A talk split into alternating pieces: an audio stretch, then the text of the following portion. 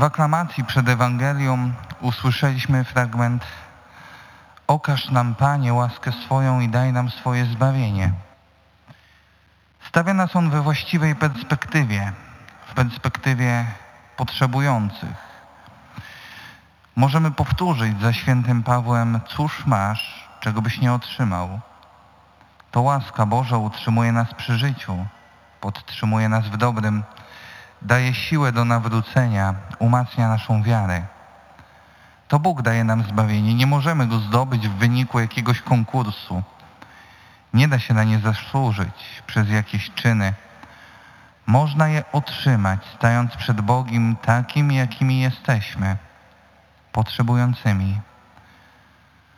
Przypomina nam o tym pierwsza modlitwa eucharystyczna.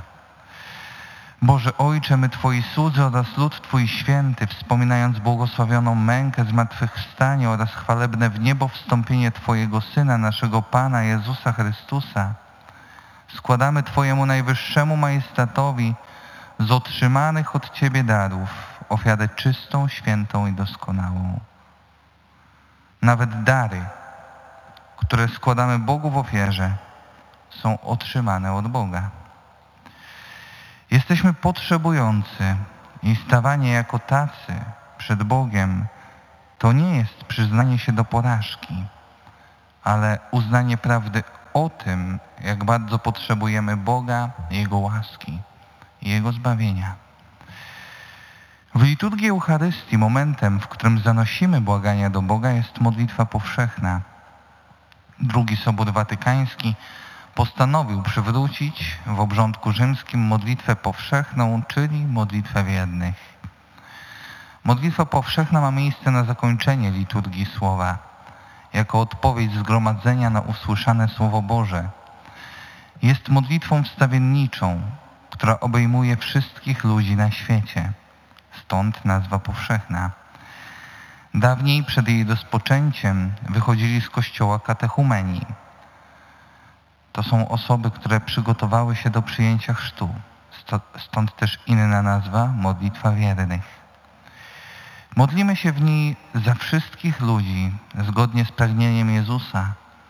A ja wam powiadam, miłujcie waszych nieprzyjaciół i módlcie się za tych, którzy was prześladują. Tak będziecie synami Ojca waszego, który jest w niebie.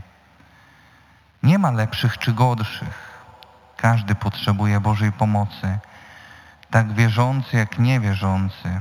W tej modlitwie stajemy jako bracia i siostry, na równi potrzebujące Bożej łaski i miłosierdzia. Ta modlitwa ma trzy cechy charakterystyczne. Po pierwsze, jest błaganiem zwróconym do Boga. To On jest źródłem łaski i jako jedyny jest w stanie zaspokoić pragnienia człowieka, które są zgodne z Bożą wolą. Po drugie, prosimy w niej Boga przede wszystkim o dobra powszechne dla całego Kościoła, świata, wszystkich, którzy, których przygniatają różne cierpienia. Jest to więc modlitwa wstawiennicza, modlitwa, która poszerza nasze serca, otwiera nas na potrzeby drugiego człowieka, pomaga nam w drugim człowieku dostrzec brata i siostrę. Należy ona do, po trzecie, należy do ludu wiernego, ponieważ zgromadzenie odpowiada na poszczególne wezwania prowadzącego. Odmawiając modlitwę powszechną Kościół, wierzący nie zachwienia w obecność świętych i swoje powszechne zadanie, występuje jako wielki orędownik ludzkości. Święty lud Boży wykonuje swoje powszechne kapłaństwo – uczestnicząc w sakramentalny sposób w ofierze mszy świętej, a także odmawiając tę modlitwę, ogarniając potrzeby całego świata. Ta modlitwa ma swoją strukturę i powinna, modlitwy powinny zawierać takie cztery wyzwania przede wszystkim.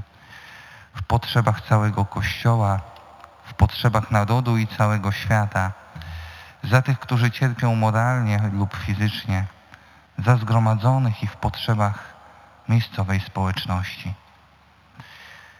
Stając do modlitwy wiednych, warto stanąć do niej z pragnieniem, by całym sercem błagać o to, o co w tej modlitwie błaga Kościół, aby odnaleźć w swoich pragnieniach wolę Boga. Niech pomocą będzie nam fragment dzisiejszego psalmu.